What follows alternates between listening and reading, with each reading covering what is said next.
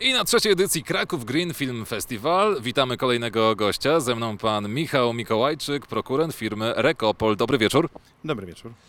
Oczywiście będziemy poruszać się tutaj e, w temacie e, e, pana zagadnień, czyli przetwarzania odpadów. Chciałem zapytać, jak ocenia pan bieżącą sytuację? Jakie wyzwania stoją przed branżą przetwarzania odpadów? Jakie są bolączki? Może pan ma jakiś apel do nas, do konsumentów? Co chciałby pan nam powiedzieć? Pytanie złożone, jak 5 milionów ton odpadów w Polsce opakowaniowych, a to jest naprawdę dość dużo, gdyby je wszystkie, a mówimy tutaj o butelkach szklanych, opakowaniach z tworzywa sztucznego, z aluminium, stali i opakowania e, z drewna, gdyby je, i z papieru, i gdyby je wszystkie z, zbelować, zgnieść, sprasować e, i wyładować nimi takie 18-tonowe ciężarówki i ustawić je jedna za jedną, to korek, który by powstał z Krakowa do to tylko opakowania, tylko Polska i tylko jeden rok.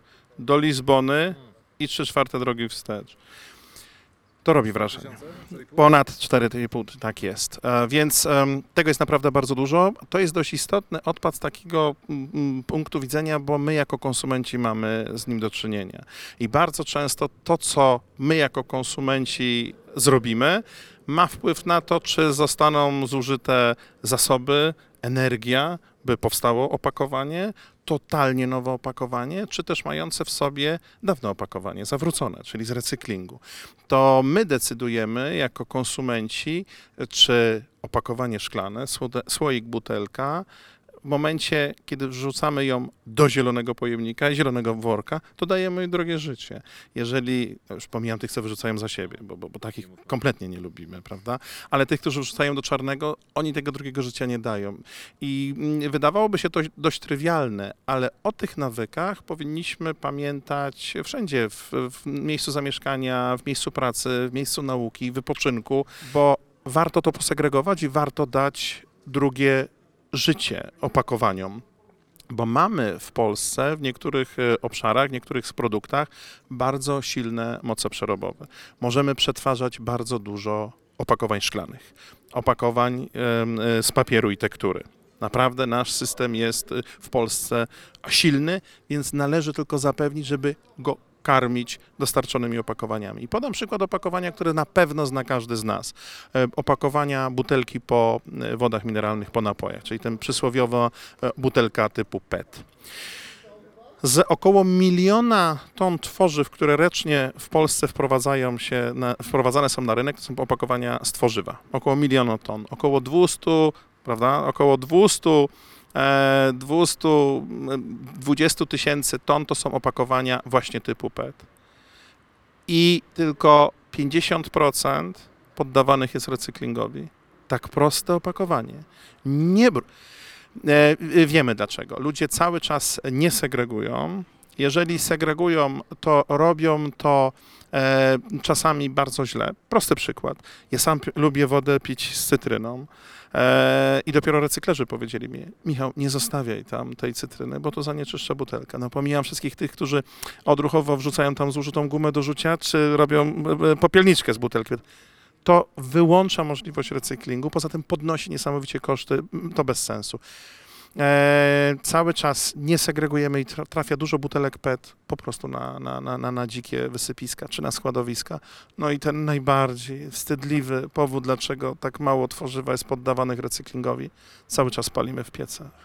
Cały czas Polacy palą ogromne ilości butelek PET w piecach. To jest, to, to jest niebywałe, pomimo tego, że tak wiele sygnałów, tak wiele komunikatów. No, jesteśmy też w miejscu, które wie w, w czym rzecz i pomimo tego mm, cały czas dużo odpadów e, e, palonych jest w piecach. Podejmowane są działania, my sami jesteśmy zaangażowani w taką działalność edukacyjną, no, na poziomie od drzwi do drzwi. Współpracuję na przykład z, z kominiarzami. E, Czasami uda się nawet z parafią współpracować, by no, zwracać na to uwagę. Człowieku, nie pal. I to, to jest problem nie tylko zimą, ale w ciągu normalnie roku, bo taki plastik to można w czajniku zagotować. Oczywiście ktoś może powiedzieć, że to jest mm, jakieś pokłosie ubóstwa energetycznego i, i to jest tańsze. No ale nie uzasadniajmy tego tak, nie usprawiedliwiajmy tego w ten sposób. Na każdym, na każdym etapie e, możemy zadziałać także w tej temacie, który ja zawsze mówię jest tematem 17 kolejności odśnieżania. No, segregacja odpadów nie spędza sens no, z powiek większości ludzi. Chcą wiedzieć, jak to robić, po co to robią, czy to ma sens, od czasu do czasu zorganizować e, jakiegoś hinta, by o tym powiedzieć. Bardzo cieszę się, że e, Zielony Festiwal Wasz Ekstra jest już trzeci i że na ten, na ten temat też, też mówicie. Dziękuję za zaproszenie. No bo wykorzystujmy każdy element, żeby zwrócić uwagę na coś, co wydawałoby się, że jest oczywiste, a jeszcze tego nie ma. No. Kiedyś naturalnym było, że w danym pomieszczeniu ktoś załatwiał swoje potrzeby fizjologiczne e, w rogu. Dzisiaj tego tak nikt nie zrobi. No ale cały czas mamy ludzi, którzy wyrzucają odpady z jadącego samochodu, czy po prostu wrzucają wszystko do czarnego worka. No to nie powinno być społecznie akceptowalne. Zwłaszcza w 2020. A jeśli mówimy już o datach, to co czeka nas w dalekiej lub niedalekiej przyszłości?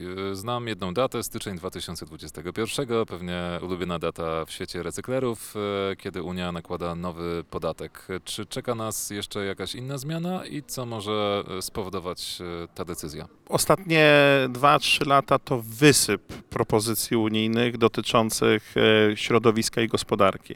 W 2018 roku cały pakiet gospodarki w obiegu zamkniętym, który zawiera, tak naprawdę jest nowelizacją pięciu istotnych dyrektyw odpadowej, opakowaniowej, składowiskowej e, i, i, i, i e, zużytego sprzętu i, wraków samochodowych. Tam jest wiele zawartych e, elementów, które będą miały wpływ na nas jako na konsumentów, bo także na przedsiębiorców. Ta rozszerzona odpowiedzialność producenta. I na ile na rynkach takich jak e, państwa, i na rynkach jak niemiecki, hiszpański, czy nawet czeski, to będzie pewnego rodzaju update tego, co jest w Polsce, to będzie oznaczało totalną rewolucję, także i kosztową, finansową. Mam nadzieję, że doprowadzi to do ustabilizowania tego systemu, do wprowadzenia w ogóle nowych mechanizmów i rzeczywiście ten, kto produkuje, ten, kto wprowadza, wspólnie z tym, kto zarządza, kto zbiera, kto recykluje, będzie widział gospodarczy sens podejmowania tych działań w systemowy sposób, jawny, czytelny, fair i sprawiedliwy dla wszystkich uczestników tego systemu. Później była tak zwana single use plastic, czyli dyrektywa dotycząca fragment strategii plastikowej dotyczących jednorazowych produktów z tworzyw sztucznych, czyli te słynne patyczki do uszu, sztućce jednorazowe. No i teraz słomki, tak, i teraz mamy mm, y, podatek. Podatek jest propozycja Komisji Europejskiej. Można powiedzieć, że diabeł śpi w szczegółach. Zobaczymy, w połowie września mamy głosowanie w Parlamencie Europejskim, potem jeszcze Rada Europejska. Jeżeli mam być szczery, perspektywa 1 styczeń 21 jest totalnym szaleństwem, bo jeżeli byłoby to kwestia tylko nałożenia podatku, co w ogóle jest bezsensowne, bo to pojawiłaby się jakaś pula pieniędzy, ciężka do wyliczenia, e, sprowadzenie podejścia innego do tworzywa tylko i wyłącznie do fiskalnego rozwiązania, to jest kompletny błąd, bo to jest y, obciążenie finansowe, ale zdjęcie z państwa, z systemu i ze wszystkich uczestników tego rynku, łańcucha wartości, odpowiedzialności za podejmowanie rozsądnych działań. Od choćby e, za to, żeby projektować opakowania, które nadają się do recyklingu, żeby one były cieńsze, lżejsze, żeby w ogóle było ich mniej. Tak, zapłacimy któregoś tam, ileś tam, przełożymy na konsumenta i jedziemy dalej. Nie, to, to jest, to mam nadzieję, że nie będzie tak, że mm, to prawo wejdzie, ustanawiane w październiku czy w listopadzie od 1 stycznia. E, Mam nadzieję, tak jak mówię, że tego nie będzie. Natomiast tych regulacji jest bardzo dużo. Cały ten pakiet gozowski czeka na uregulowanie w Polsce. De facto e, ponad miesiąc temu, 4 lipca 2020, po dwóch latach, Polska powinna mieć wprowadzone w życie, ustalone, uchwalone przez parlament, podpisane przez prezydenta prawo, które będzie implementowało ten pakiet gospodarki w obiegu zamkniętym. Nic takiego nie ma. Więc już mamy opóźnienie. A to są istotne, wyzwaniowe dla przemysłu, a pośrednio i do konsumenta mm, decyzje. Bardzo gorący czas, nie tylko atmosferycznie, nie tylko czasami politycznie, nie tylko covidowsko, ale także i legislacyjnie. Mam wrażenie, że nikt nie powiedział nam tak wiele o odpadach, jak e, nasz dzisiejszy gość, pan Michał Mikołajczyk, prokurent e, firmy Rekopol. Bardzo dziękuję za tę owocną rozmowę. Dziękuję serdecznie.